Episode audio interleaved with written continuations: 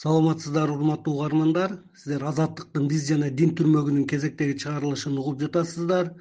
Бүгүнкү биздин суроолорго кыргызстан мусулмандарынын аалымдар кеңешинин төрагасы абибилла ажы кадырбердиев жооп берет. Берүүнү мен канатбек мырзахалилов алып барам. Биз жана дин. Абибилла ажы акыркы кезде кыргыз коомунда конституциялык кеңешмеде талкууга алынган дүйнө бий мамлекет жөнүндөгү түшүнүктүн тегерегинде ар кандай ой пикирлер айтылууда өлкө мусулмандары үчүн дүйнө бийлик принцибин баш мыйзамдан алып салуу же калтыруу кандай жыйынтыктарга алып келет?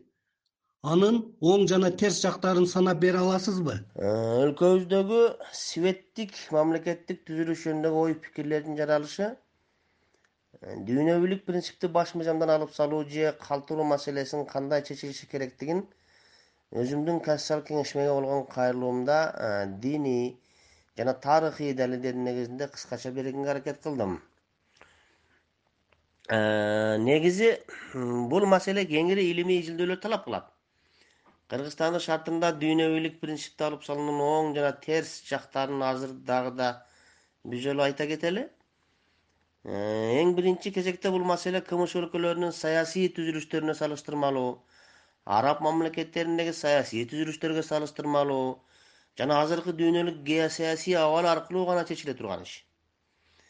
Э, мындай э, олуттуу маселелерди кууш көз караш менен же жекече бир адамдардын үстүртөрөн караган көз караштары менен чечип саясий чечимдерди кабыл алуу же коомчулукта ар кандай ой пикирлерди жасалма түрдө күчөтүү азыркы учурда мамлекетибизге саясий дестабилизация алып келиши мүмкүн.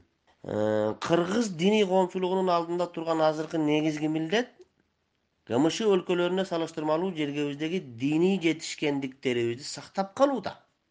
Э, мына орто азия жана кавказ республикаларындагы диний жана саясий аша себептүү андагы э, мусулман коомчулуктарынын зыян тартышы э, азыркы учурдагы кыйынчылык абалдары эле сиздин койгон сурооңузга жетишерлик жооп ошону менен эле бирге араб өлкөлөрүндө болгон окуялар алардын светтик саясий түзүмдө турушу жакшылап ой жүгүрткөн ар бир кыргызстан жаранын туура диний жана саясий чечимге алып келет деп ойлойм. Демек э, биз ишти эки ортодо чечишибиз керек. Бул ислам дининин табигый өзгөчөлүгүнө туура келет. Алла таала бакара сүрөсүнүн бир жүз кырк үчүнчү аятында мындай деп айткан. Биз силерди адамзатка күбө болууңар үчүн жана алланын элчиси силерге күбө болуусу үчүн ортолуктун адилеттүүлүктүн үммөтү кылдык. Э, бечелге жетөөлдүн кереги жок дегенде эле динсиздик коомунан жаңы эле чыгып ыймандын алты шартын жана исламдын беш түркүгүн тургуза албай жаткан коомго светтик деген терминди алып салуу э, теократиялык мамлекет деген түшүнүккө гана түздөн түз алып келет. Э, мындан боло турган зыяндарды конституциялык кеңешмеге болгон кайрылуумда айтып кеткенмин кээ бир адамдардын э, кээ бир топтордун жаңылыш түшүнүгү боюнча светтик конституциялык түзүмдө калуу э, сссрдын убагындагы атеисттик саясий системаны реставрациялоо деп жаңылыш түшүнүүдө жогоруда өз сөзүңүздө ошол дүйнө бийлик маселеси боюнча конституциялык кеңешмеге кайрылуу жолдодум деп айттыңыз. Бул кайрылууңузда бул маселе шарият өкүмдөрү боюнча алганда коомдун диний даражасына ылайык чечиле турган иш деген дагы бир сөзүңүз бар. Деги эле бул кайрылууңузда кандай маселелерге басым жасадыңыз? Албетте бул маселе кыргыз коомчулугунун диний даражасына жараша гана чечиле турган маселе шариятыбыз деле кайсы гана болбосун диний коомчулукка алар көтөрө албай турган диний милдеттерди жүктөбөйт да. Э, конституциялык кеңешмеге болгон кайрылуумдун өзөктүү мааниси мына ушунда.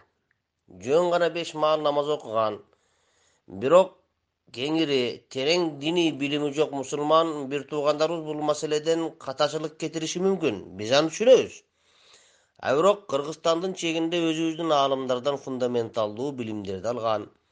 Же болбосо сырт жактан эл аралык ислам университеттерин бүтүрүп келишкен жарандарыбыз үчүн бул иш эч кандай талашы жок белгилүү маселелердин катарында эле азыркы учурда талаш жаратып жаткан бул иш боюнча коомчулукка түшүндүрүү иштерин жүргүзүүдө алардан жардам күтөбүз. Биз жана дин сиздин баамыңызда мусулман коомчулугу дүйнөбүй деген терминди өзү кандай түшүнөт? Аны туура багытта жайылтууга диний лидерлердин салымы кандай болуусу керек деп ойлойсуз? Менин баамымда э, кыргызстандагы мусулман коомчулугу светтик деген терминге өтө бир кескин түрдөгү терс мамилеси жок деп ойлойм.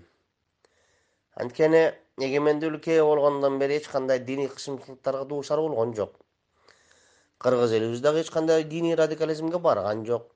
Ал эми аз сандагы кээ бир билимсиз жаштарыбыздын ар кандай диний радикалдык агымдарга аралашып кетүүсүнүн себеби замандын талабына ылайык кеңири терең диний билимге ээ болгон жана азыркы дүйнөлүк саясий абалды жакшы түшүнгөн түшүнө билген бир квалификациялуу диний кадрлардын жетишсиздигинен болуп жатат деп ойлойм. Бул убакытта биз түшүндүрүү иштерин күчөтүшүбүз керек. Жана диний лидерлерибиздин бир бөлүгүн бул маселеге үстүртөдөн мамиле кылуудан үстүртөдөн болгон көз караш менен эле чечим кылып коюудан алыс болууга чакыраар элем. Калкынын саны боюнча мусулмандар басымдуулук кылган көпчүлүк мамлекеттерде. Диний даражасы бизден алда канча жогору турган араб өлкөлөрүнүн басымдуу бөлүгүндө расмий дүйнө бийлик түзүлүшү орнотулган кыргызстандагы диний абал мусулмандардын дин тутуу эркиндиги башка дүйнө бийлик түзүлүштөгү кошуна мамлекеттер менен салыштырмалуу канчалык деңгээлде сакталып жатат? Азыр кмш өлкөлөрүндө жана араб өлкөлөрүнүн басымдуу бөлүгүндө расмий дүйнө бийлик түзүлүш орнотулган. Ушул светтик түзүлүштө тургандыгыбызга карабастан кыргызстандагы мусулмандардын дин тутуу эркиндиги эң алдыңкы орундарда экендиги жалпыбызга маалым. Э, ал эми мисалга алсак кыз балдардын мектепке жоолук салып баруусу сыяктуу кээ бир маселелерди чечүүдө биз ошол маселелердин башка коңшу өлкөлөрдө кандай абалда экенин түшүнө билип туруп э, жана ислам дини бизге милдет кылган шарияттык өкүмдөрдүн ички даражаларын так көрө билүү аркылуу э, анан ошол конкреттүү коомчулуктун диний даражасын так көрө билүү аркылуу гана чечүүбүз керек окшогон маселелерде э, биздин кыргызстандагы диний лидерлер чогуу биригип туруп бир чечимге келүү жолу менен гана чечишибиз керек. Акыркы кезде дүйнөбий деген терминдин айланасындагы талкуу диний коомчулуктун экиге бөлүнгөнүн көрсөттү.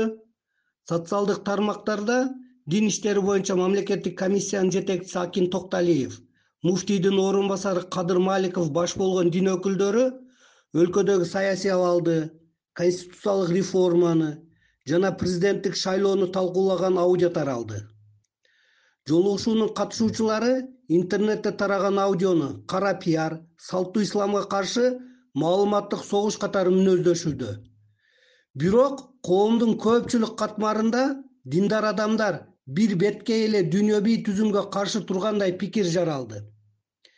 Деги эле кыргызстан мусулмандарынын аалымдар кеңешинин дүйнөбийлик түшүнүгү боюнча официалдуу позициясы кандай? Э, кыргызстандагы дин тутуу эркиндигин эске алуу менен кмш өлкөлөрүнө салыштырмалуу болгон диний жетишкендиктерибизди эске алуу менен да мен айтар элем коомчулугубуздагы светтик мамлекет жөнүндөгү талаш тартыштар э, бизде анча деле курч мүнөзгө ээ эмес.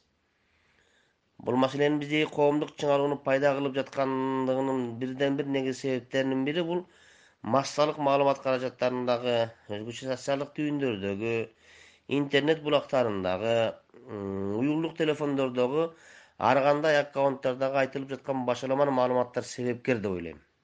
Ушул жагдайларга байланыштуу сырткаркы үчүнчү күчтөрдүн бузгунчулук иш аракеттеринин курбанчылыгы болуп калуудан сак болууларын коомчулугубузга дагы бир жолу эскерте кетер элем жана диний лидерлерибиздин бир бөлүгүнөн бул маселени терең кеңири жана кылдат диний көз караш менен карап азыркы учурдагы геосаясий абалды эске алууларын суранаар элем. Биз жана дин. Урматтуу угармандар сиздер азаттыктын биз жана дин түрмөгүнүн кезектеги чыгарылышын уктуңуздар. Биздин бүгүнкү коногубуз кыргызстан мусулмандарынын аалымдар кеңешинин төрагасы абибилла ажы кадырбердиев болду берүүнү мен канатбек мырзахалилов алып бардым. Аман туруңуздар